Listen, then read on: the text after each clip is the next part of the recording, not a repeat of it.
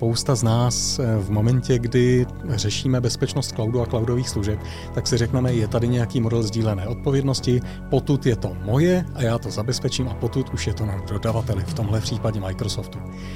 Málo kdo se zabývá tím, co když ten dodavatel selže. A tady si dovolím citovat krásnou větu od Johannese Ulricha. Mně přijde, že to bylo lehce cynické, ale zároveň, že to byla hluboká pravda. On řekl, cokoliv dáme do cloudu z něj dříve či později někdo ukradne.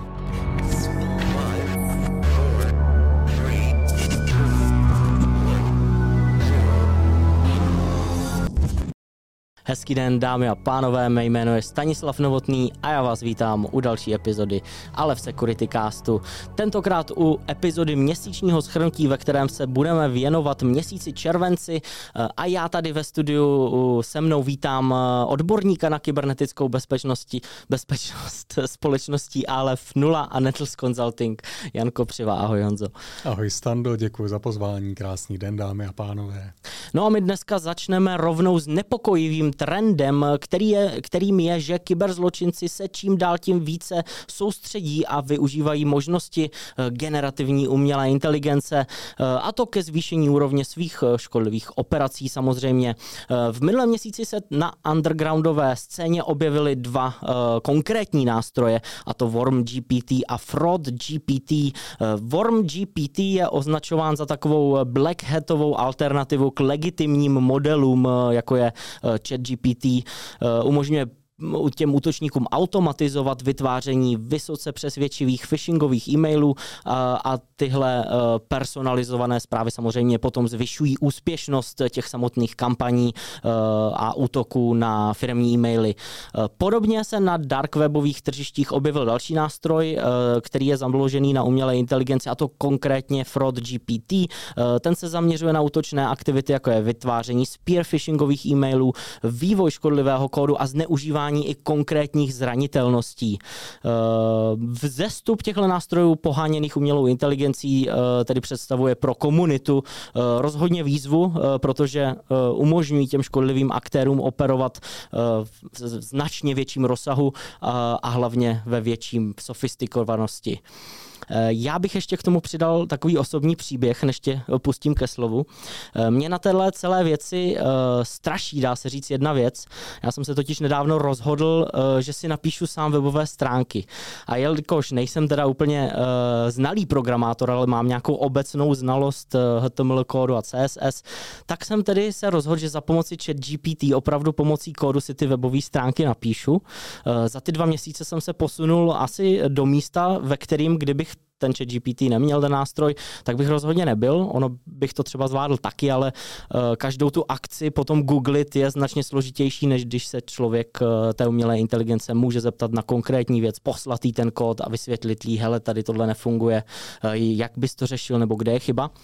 No a pak právě v kontrastu s tím si představím, co kdybych chtěl zneužít nějakou zranitelnost, která postihla třeba nějakou společnost tak mě straší to, jak vlastně strašně jednoduchý ve výsledku eh, to útočníci teď mají, že pokud použijou ty nástroje, teď nevím, jak, eh, jak sofistikovaný ty nástroje jsou a jak opravdu funkční jsou, ale každopádně eh, je to pro ně daleko jednodušší, třeba pro někoho jako jsem já, kdo nemá hlubší znalosti toho kódu, tak vymyslet třeba nějaký exploit nebo malware, který bude těžko detekovaný pro tu společnost. Tady bych možná udělal silnou čáru mezi tím, co je dostupné teď mm-hmm. každému a co ne. Do jisté míry máš pravdu, veškeré eh, LLM modely ať už se jedná o chat GPT nebo tyhle, ty, řekněme, undergroundové alternativy, dávají každému i tomu, kdo nemá úplně hluboké technické know-how, k dispozici určitě poměrně širokou škálu možností, jak jednoduše vytvořit něco, co je na rozumné úrovni sofistikovanosti. Ať už je to phishing, který je psaný výbornou gramatikou, což je to, k čemu to útočníci využívají. Nebo napsat malware, který je funkční. K tomu se to dá využít taky. Ale tam to víceméně končí. Představa, že někdo využije tyhle ty modely k tomu, aby mu napsali exploit pro novou zranitelnost, ke které nemáš zdrojový kód a tím pádem ty sám bys nebyl schopný tu zranitelnost exploitovat, je v tuhle chvíli trošičku sesná. Já to zjednoduším, neříkám, že nemůže dojít k takovéhle alternativě nebo k takovéhle situaci, ale obecně na co je to dneska využitelné, jsou to opravdu jenom v úvozovkách zjednodušení těch základních útoků. Že by to za mě napsalo velmi sofistikovaný malware, který je schopný sám se šířit, exploitovat zero day, nenapíše. Nenapíše, protože z čeho se ty modely učili? Učili se z internetu. V momentě, kdyby v rámci internetu tyhle ty data byly, už jsme schopni to z pochopitelných důvodů detekovat, důvodů detekovat. Zatím to není na úrovni toho génia, který je schopný vytvořit ti kód přesně na míru dle tvého zadání. Něco to udělá, ale spíš si myslím, kde je problém, že to umožní i tím, těm nesofistikovaným útočníkům dostat se do úrovně těch středně schopných, než že by to ty středně schopné posunulo na úroveň těch expertů. S tím taky souhlasím. Jak dlouho ty myslíš, že uh, bude trvat, než uh, my se dostaneme do chvíle, kdy opravdu ten útočník řekne uh, té umělé inteligenci, tady je proof of concept, exploit na nějakou zranitelnost, najdi uh, možné zranitelné systémy a zkus uh, vlastně jedno, zkus se do nich dostat. Takovýmhle jednoduchým příkazem bude schopný vlastně udělat uh, komplexní akci. Konec konců, teď, když to zmiňuješ,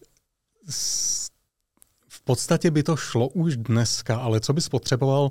Potřeboval by si mít takovýhle large language model, který je schopný v reálném čase komunikovat s nějakým skenerem, který ti oskenuje internet, anebo minimálně s něčím typu Shodan, s nějakou velkou mm. databází, z které ti vytáhne data. Nechme stranou, že by to bylo plné false pozitiv. Každopádně tohle je to, co bys potřeboval, čili dá se to postavit už dneska?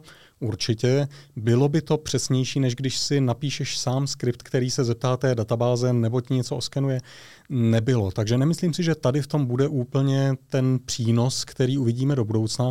Spíš, čeho se drobně děsím, až jednou někdo přijde s tou obecnou skutečnou umělou inteligencí, co ta bude schopná vytvářet. Ale to je samozřejmě v tuhle chvíli spíš otázka velkých hypotéz do budoucna, než něčeho reálného, co bychom se mohli opřít.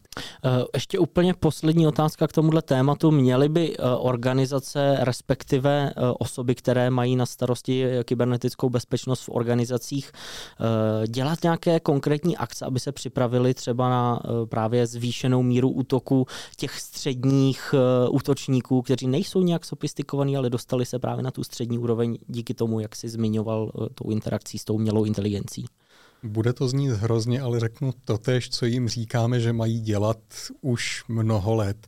Jinými slovy, říďme si ten hlavní interakční povrch. Co to je? To, co máme jako organizace vystrčené do internetu, čili všechny vypublikované služby, webové servery a podobně. A následně říďme pokud možno bezpečnost na úrovni těch interakčních bodů uvnitř organizace, jmenovitě uživatele a maily, které jim přichází, webové stránky, s kterými přichází do styku. Dobrá, tak jo, my se uh, určitě o umělé inteligenci budeme bavit uh, i v dalších epizodách, proto odebírejte kanál Alev Security pro podobné novinky a schrnutí.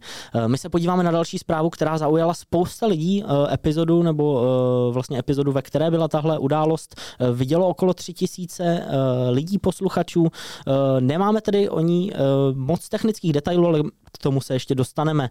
Uh, jednalo se totiž o co bych mohl nazvat jako významnou kybernetickou loupež, jsem si tu napsal, kdy útočníci vlastně zneužili uh, dosud uh, tedy neznámou chybu v platebních systémech společnosti Revolut a na začátku roku 2022 měli údajně odcizit více než 20 milionů dolarů od téhle společnosti.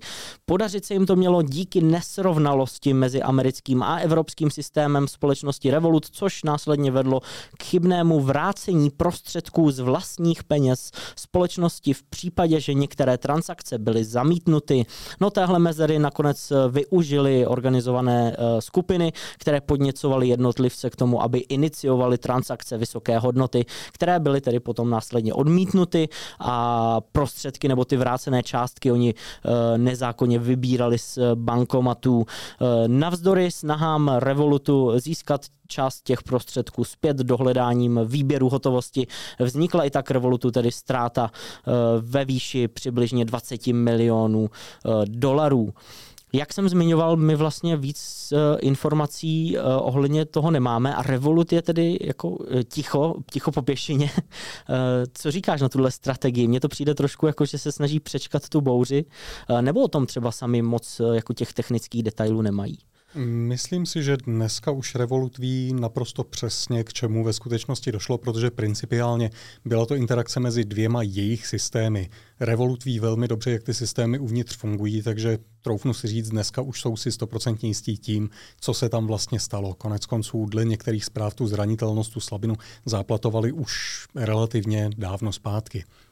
Nicméně spíš si myslím, že v tuhle chvíli necítí potřebu komunikovat ven, protože to nebyla zranitelnost, která by ve finále zasáhla kohokoliv jiného. Byl to jejich interní problém, ten si vyřešili, není to něco, co by postihovalo spoustu jejich zákazníků a tedy měli by to komunikovat externě, což je konec konců problematika, ke které se za chviličku vrátíme. Je to tak, každopádně uh, určitě Eh, pokud bychom měli další detaily, tak eh, zmíníme další epizodu. Eh, my se tedy posuneme dále a mohli bychom tedy zmínit na zmínit novinku nebo událost, která se týká Evropské komise a USA, tedy konkrétně předávání dat mezi Evropskou unii a Spojenými státy. Ty si to, Honzo, popsal vlastně na portálu rud.cz v, ve článku postřehy z bezpečnosti, mám takový pocit eh, jako zřejmě nejvýznamnější právní událost, eh, která se stala s vazbou na kybernetickou bezpečnost v tom předchozím měsíci. Eh, je jí tedy schválení takzvaného rozhodnutí o odpovídající ochraně osobních údajů ze strany Evropské komise. Tohle rozhodnutí tedy umožňuje za specificky daných podmínek předávat osobní údaje fyzických osob z Evropské unie do USA, respektive americkým společnostem, což bylo do současnosti problematické. Eh, historicky eh, ty požadavky na ochranu předávaných osobních dat stanovil regulatorní mechanismus nazvaný eh, Privacy Shield. Ten byl v roce 2020 na základě žaloby Maximiliana Šeremse zrušen Evropským soudem, protože neobsahoval dostatečné ochranné mechanismy pro data evropských občanů. Stejný osud pak postihl na základě Šeremsovy žaloby i předchozí rámek, který byl zkráceně označovaný jako safe harbor. Jak vidíš, eh, jak vidíš osud tohodle, eh, tohodle rámce? Já vím, že už eh, myslím, že ta skupina za Maximilianem Šerencem oznámila, že i tento rámec bude právně napadat. Jednoznačně a popravdě já se jim až tak nedivím.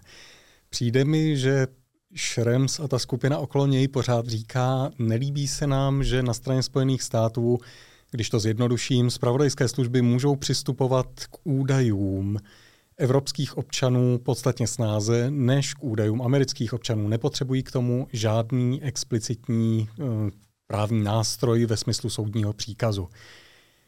To se nezměnilo. V tuhle chvíli já mám pořád pocit, že slovíčkaříme a že Evropská komise se snaží najít tu dostačující textaci, která už bude vyhovovat i Evropskému soudu a Evropský soud neustále říká, ne, nevyhovuje. Na základě žaloby, kterou tu máme, pořád jste to nespravili, pořád jste to nespravili. Předpokládám, a nejsem právník, je možné, že se šeredně pletu, že v horizontu roku maximálně dvou bude Evropským soudem schozen i tenhle ten mechanismus a budeme zase na začátku. Jinými slovy, u té nejistoty, respektive u té velmi složité procesní mm, formule nebo u té velmi složité procesní cesty k tomu, aby ta data mohla být předávána. My se eh, v kontextu téhle novinky můžeme podívat i do České republiky, a to konkrétně na výsledky připomínkování nového eh, ZKB směrem vlastně k NIS 2, což má spojitost s Evropskou uní. Eh, ty si Honzo zmiňoval vlastně předtím, než jsme začali natáčet, že vyšel zajímavý článek, myslím, že na portálu Lupa, který se věnoval právě tomu připomínkování. Jak to tedy z tvého pohledu dopadlo? My už jsme tu minule otevírali to, jakým způsobem NUKIP vypořádával připomínky odborné veřejnosti, teď měli možnost vyjádřit se k návrhu toho zákona, respektive návrhu celé té legislativy okolo NIS dvojky i další státní subjekty, které by byly tím zákonem zasaženy, respektive obecně státní subjekty. Po mém soudu, a troufnu si být trošičku ostřejší, strhali ten návrh poměrně citelně. Z jedné strany přišly připomínky v tom smyslu, že NÚKIP nepokrývá to, co po něm chce NIS 2, aby pokrýval. Z druhé strany přišly připomínky stylu dáváte si tady odpovědnosti, které vám nenáleží. A pak tam byla spousta drobných připomínek stylu nelíbí se nám tady drobná textace, změňte nám slovíčka. Takže po mém soudu kritika relativně citelná na adresu NÚKIBu. Nemůžu říct, že úplně nezasloužená po mém soudu. Já mám obecně z NÚKIBu dlouhou dobu takový pocit, že se jedná o lehce schizofrenní instituci, kde značná část lidí i toho, co dělají, je naprosto skvělá a profesně na výši.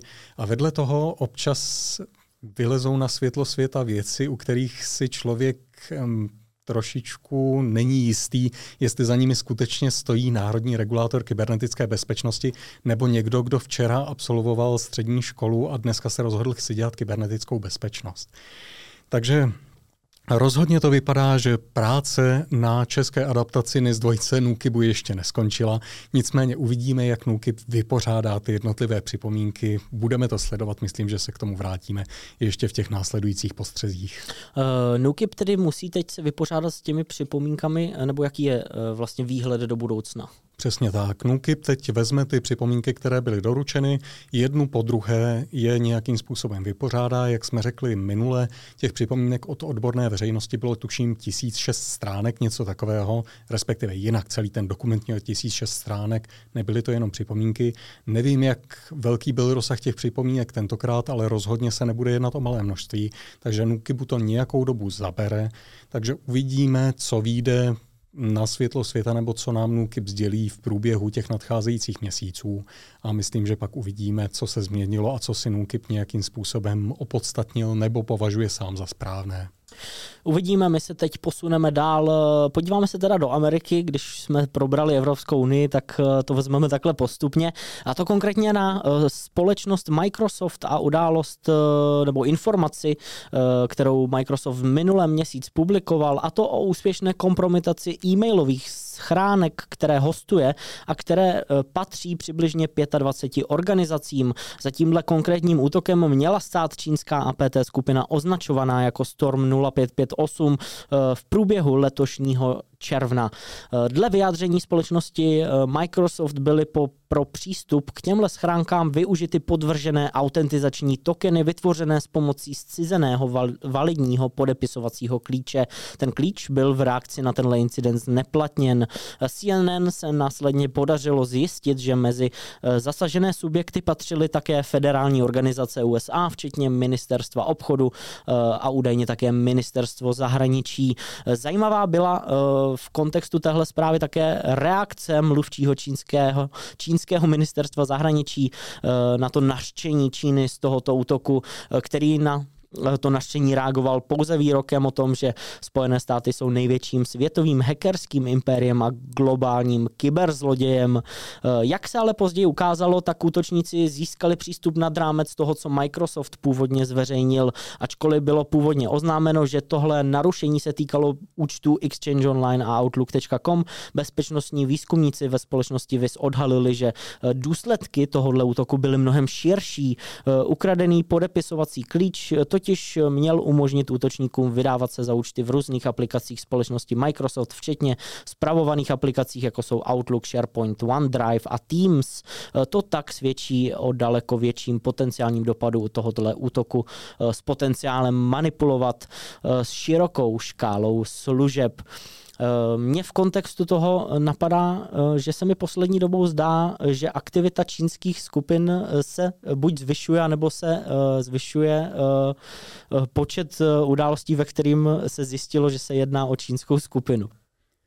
Myslím, že asi pravda bude na obou stranách, protože zejména směrem ke Spojeným státům, ale zřejmě nejenom směrem k ním, Čína je akcentovaná víc a víc. Ne, že by ty útoky dřív nerealizovala, ale rozhodně si nezískali aspoň z mého pohledu tak širokou mediální pozornost. Já bych jenom uvedl na pravou míru to, co si říkal. Vys v rámci té své zprávy popisuje, co mohl útočník dělat.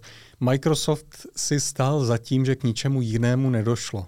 Jestli došlo, nedošlo, musí vědět Microsoft. Každopádně určitě dojít mohlo. A tady se vracím k tomu, co jsem říkal u Revolutu, že vybrané organizace by mohly určitě komunikovat transparentněji v momentě, kdy určitý incident má dopad na jejich zákazníky. Microsoft se proti té zprávě Vizu explicitně a velmi silně vymezil ve smyslu ne, k ničemu takovému nedošlo, jsou to všechno hypotézy. Pokud má Microsoft dostatečné logy, aby mohl říct, nedošlo, je to v pořádku, ale říkat, jsou to hypotézy, mohlo k tomu dojít? Mohlo. Ti útočníci jednoznačně ten přístup v tu chvíli měli. Tak je na místě přijmout to a říct, byl to extrémně velký problém, už jsme ho zvládli a teď jsme provedli tyhle návazné kroky. K tomu zatím Microsoft úplně nedošel. Jenom pro úplnost, dámy a pánové, kde byl tedy problém? Ten podepisovací klíč byl jeden z relativně malého počtu, který hypoteticky umožňoval podvrhovat OAuth 2 tokeny v rámci vybraných Microsoftích prostředí a služeb. Nešlo to u všech. Eh, Azure Active Directory prostředí člověk musel mít multitenantní tu Azure Active Directory a navíc byly ty útoky aplikovatelné proti jednotlivým uživatelským účtům. Nebudeme zabíhat úplně do detailu, ale principiálně část Azure Active Directory prostředí a část aplikací běžících v rámci cloudu, které využívají jako single sign-on právě um, Microsoftí služby, tak byla pomocí tohohle kompromitovatelná. Microsoft tvrdí, nedošlo k tomu, byl to útok cílený, omezený jenom na tyhle ty vybrané subjekty a já bych tomu i věřil, protože historicky v momentě, kdy nějaká státní skupina nebo státem sponzorovaná skupina využívá nějaký zero day nebo nějakou sofistikovanou útočnou techniku, zpravidla to není stylem pálíme na všechny, ale máme explicitně zájem o tuhle tu omezenou skupinku cílů. Takže dávalo by to smysl. Ale jak jsme řekli, ať Microsoft říká, co chce, to, co je psané v tom článku od Vizu, je pravda. Ten dopad mohl být extrémně citelný. To, že nebyl, nechme stranou. Rozhodně nestojí za to to bagatelizovat. Proč to akcentuju?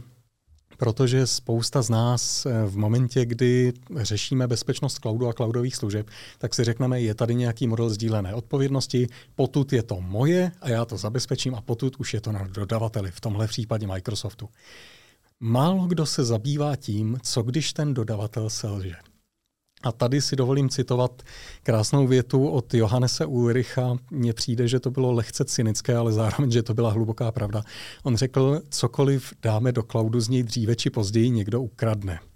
A stojím si za tím, že je to, jak říkám, hluboká pravda, takže dámy a pánové, Počítejme s tím, že spoléhat na naše systémy stoprocentně nemůžeme, protože tam nějaká zranitelnost nebo slabina někde vždycky bude. To též platí i o nadnárodních korporacích typu Microsoftu a zabezpečení, které oni poskytují. Neříkám, buďme paranoidní, nevyužívejme tyhle služby, ale spíš v rámci svých modelů hrozeb počítejme s tím, že k nějaké takovéhle kompromitaci může dojít a co budeme dělat ve chvíli, kdy dojde, umíme to detekovat pomocí nějakých mechanismů, které nejsou založené jenom na těchto službách? Pokud ano, jedině dobře, pokud ne, možná by stálo za to něco takového vymyslet tedy být připravený na to nejhorší. My se podíváme eh, ještě na jednu událost spojenou s, se spojenými státy. Eh, americká komise pro cené papíry totiž přijala nové předpisy, které veřejně obchodovaným společnostem ukládají povinnost neprodleně odhalit významné kybernetické útoky, konkrétně tedy do čtyř pracovních dnů. Tohle pravidlo se vztahuje na incidenty, které by akcionáři považovali za zásadní pro jejich investiční rozhodnutí. Eh, těmito povinnostmi se musí řídit i zahraniční soukromí emitenti. Eh, předseda SEC Gary Gensler zdůraznil potřebu důsledného a transparentního zveřejňování informací o kybernetické bezpečnosti s cílem poskytnout investorům důležité informace. Kotované společnosti tak musí nyní uvádět podrobnosti o kybernetických útocích ve svých eh, pravidelných zprávách, konkrétně ve formuláři 8K. Eh, tahle pravidla sice podporují transparentnost, ale v případě ohrožení národní bezpečnosti bezpečnosti nebo veřejné bezpečnosti lze tuhle lhutu pro zveřejnění informací odložit. Eh, podtrhuje to teda tu důležitost kybernetické bezpečnosti i směrem třeba k investorům. A důležitou roli vlastně, kterou hraje pro jejich rozhodnutí. Je to tak. Co je, myslím si, stěžejní na téhle legislativě, že v tuhle chvíli i u organizací, které jsou nekritické z pohledu státu, dává těm organizacím explicitní povinnost nějakým způsobem ohlašovat incidenty. Je otázkou, jestli se v tomhle inspiruje Evropská unie, případně další kouty světa, Velmi často to tak je, že buď z Evropy přijde nějaká myšlenka, kterou v USA adoptují, nebo obráceně, že my tady adoptujeme něco, co přišlo v USA. Takže až tak bych se nedivil, kdyby něco podobného se objevilo v evropském legislativním rámci.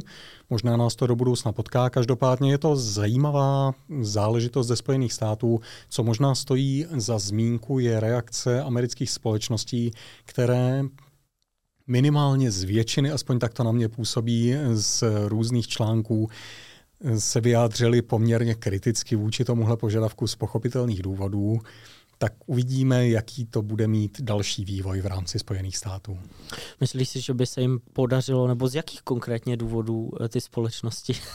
Pokud si soukromá společnost a já ti teď řeknu z pozice státu, budeš mě informovat a budeš veřejně informovat o bezpečnostních incidentech, Samozřejmě, že to může mít negativní dopad na tvůj biznis, zejména pokud nemáš úplně optimálně nastavenou kybernetickou bezpečnost, což má velmi málo firem.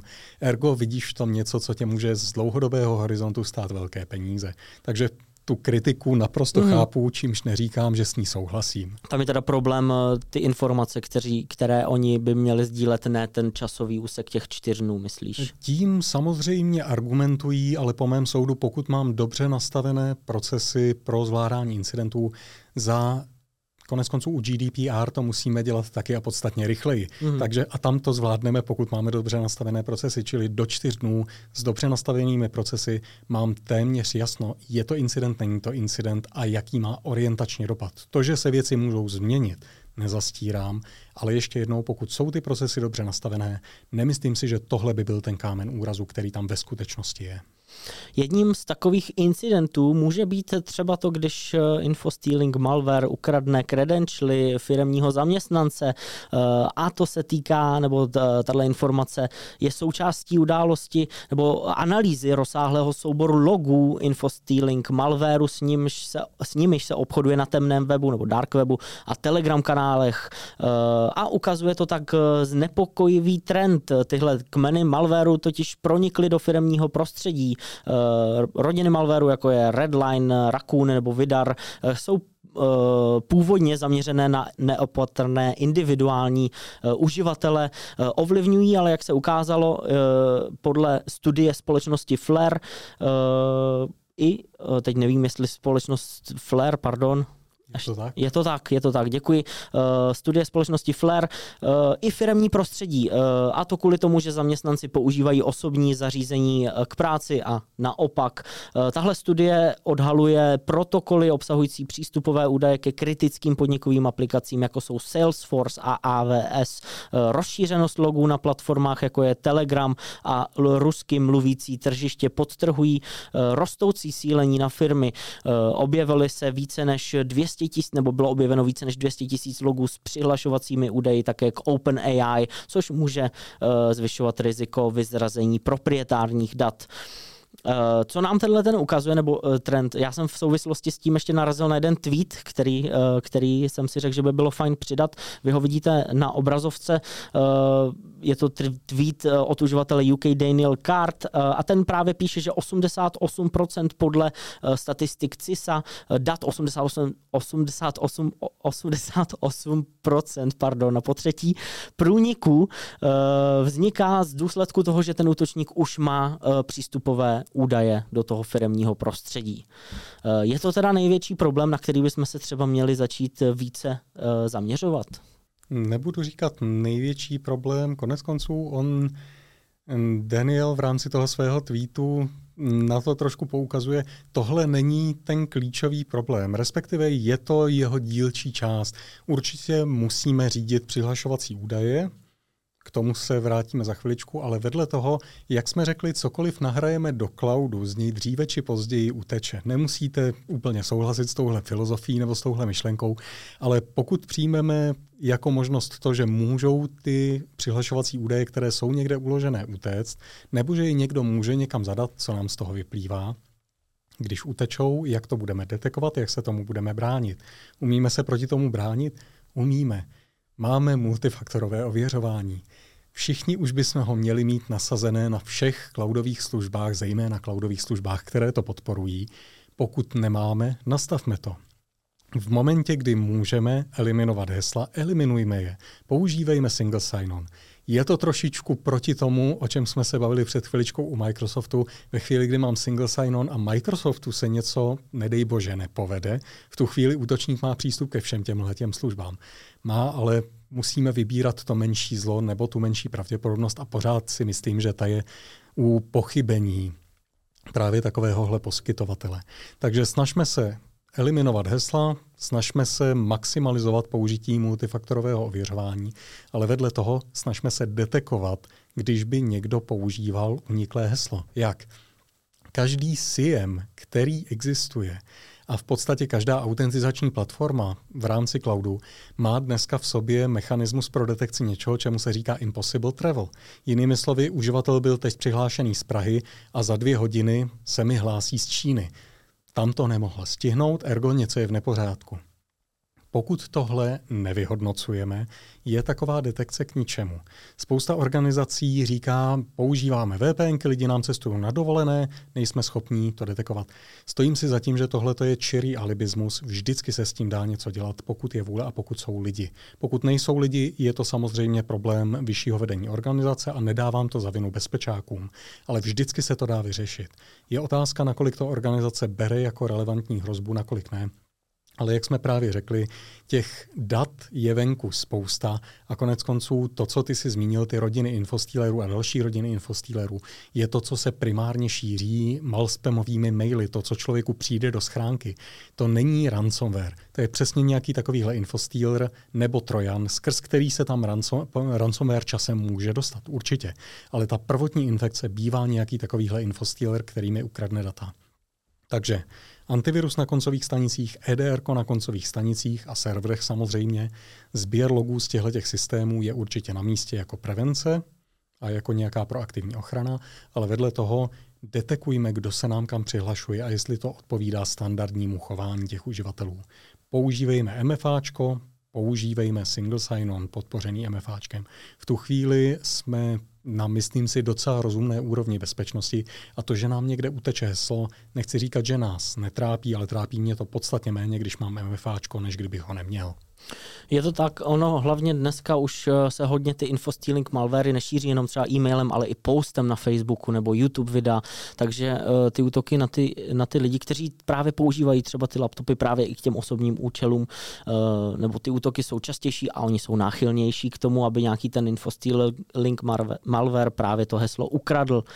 Já bych chtěl ještě eh, zmínit tedy rovnou jednu zranitelnost. Já nevím, jestli tebe, eh, Honzo, napadá nějaká zajímavá zranitelnost. Já tady mám napsanou Game Overlay, která nedávno se objevila v systémech Ubuntu jádře Ubuntu? Já myslím, že ji klidně popiš, mm-hmm. já mhm. potom ještě něco drobného doplním. Dobrá. Uh, jedná se teda o nějaký, o, o, o ne, nějaký, ale o nedávný kyberbezpečnostní výzkum, který odhalil eh, bezpečnostní zranitelnosti v kernelu Ubuntu, eh, které byly kolektivně nazvané Game Overlay uh, s potenciálem pro lokální útoky na uh, zvýšení oprávnění. Tyhle zranitelnosti ovlivňují přibližně 40% uživatelů Ubuntu, vyplývají z nedostatečné kontroly oprávnění oprávnění v modulu Overlay FS. Útočníci mohli tyhle zranitelnosti zneužít k získání zvýšených oprávnění vytvořených, vytvořením spustitelných souborů s rozšířenými možnostmi. Jedná se teda konkrétně o CVE 2023-2640, která umožňuje neprivilegovaným uživatelům nastavovat privilegované atributy a obcházet tak bezpečnostní kontroly a CVE 2023-32629 umožňuje lokální eh, zvýšení oprávnění oprávnění. Eh, Ubuntu okamžitě vydal eh, opravy 24. července eh, a samozřejmě důrazně doporučuje tyhle opravy aplikovat. Takže to takhle jenom schrnutí téhle zranitelnosti, která je určitě zajímavá, mohla by eventuálně postihnout i naše posluchače. Určitě jenom berme v úvahu, jak si správně řekl, jedná se o privilege escalation zranitelnost. Ergo, pokud už někdo má přístup k tomu mému prostředí, je to pro mě problém. Pokud se útočník ještě nedostal k uživatelskému oprávnění na tom systému, nemusí mě trápit. Čili rozhodně neříkám, nezáplatujme, ale je to větší problém pro sdílená prostředí a pro servery, případně pro prostředí, kde nám běží nějaký dokr, než pro běžnou vnitropodnikovou infrastrukturu.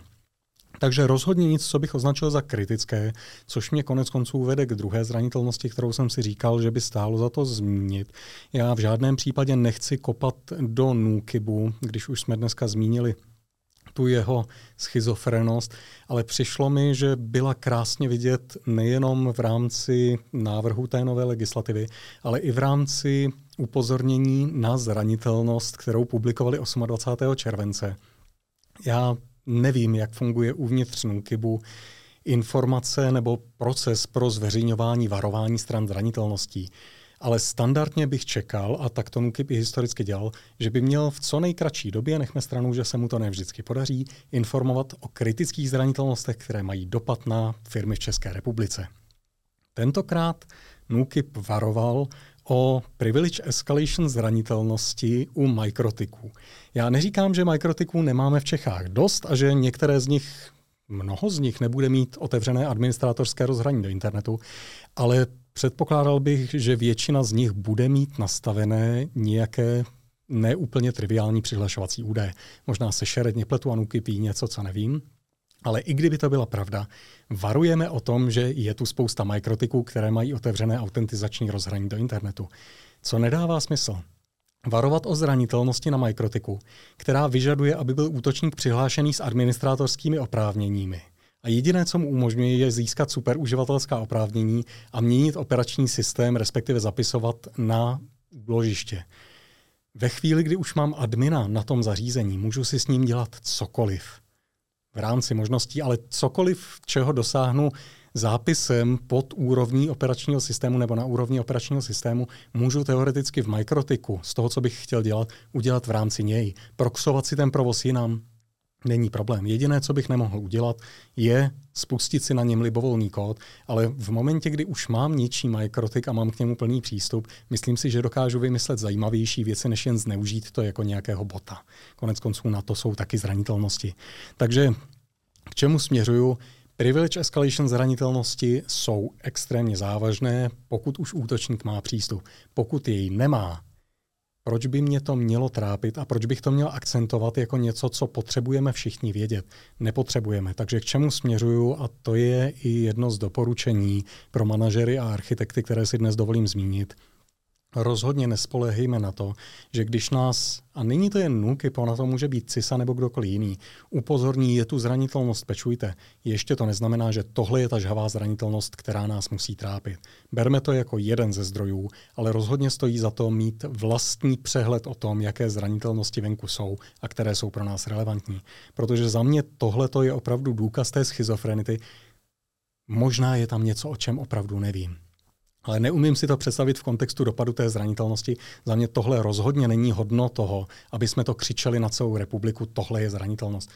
Je, ale za mě za ten poslední měsíc byly tři, čtyři podstatně závažnější. Měli jsme tu Citrixovou zranitelnost, Remote Code Execution. Fortinet měl zajímavé zranitelnosti. A o těch se nezmiňujeme. Nic, nechme stranou, pojďme dál. Fortinet měl asi letos už spoustu uh, zajímavých zranitelností, tak nestojí další za zmínku. Uh, děkujeme teda i za doporučení, které si uh, připojil. My te teda ukončíme dnešní epizodu trošku na smutnou notu, protože v tom uplynulém měsíci jsme také ztratili významnou osobnost ze světa kybernetické bezpečnosti, a to konkrétně Kevina Mitnika, který tedy minulý měsíc zemřel.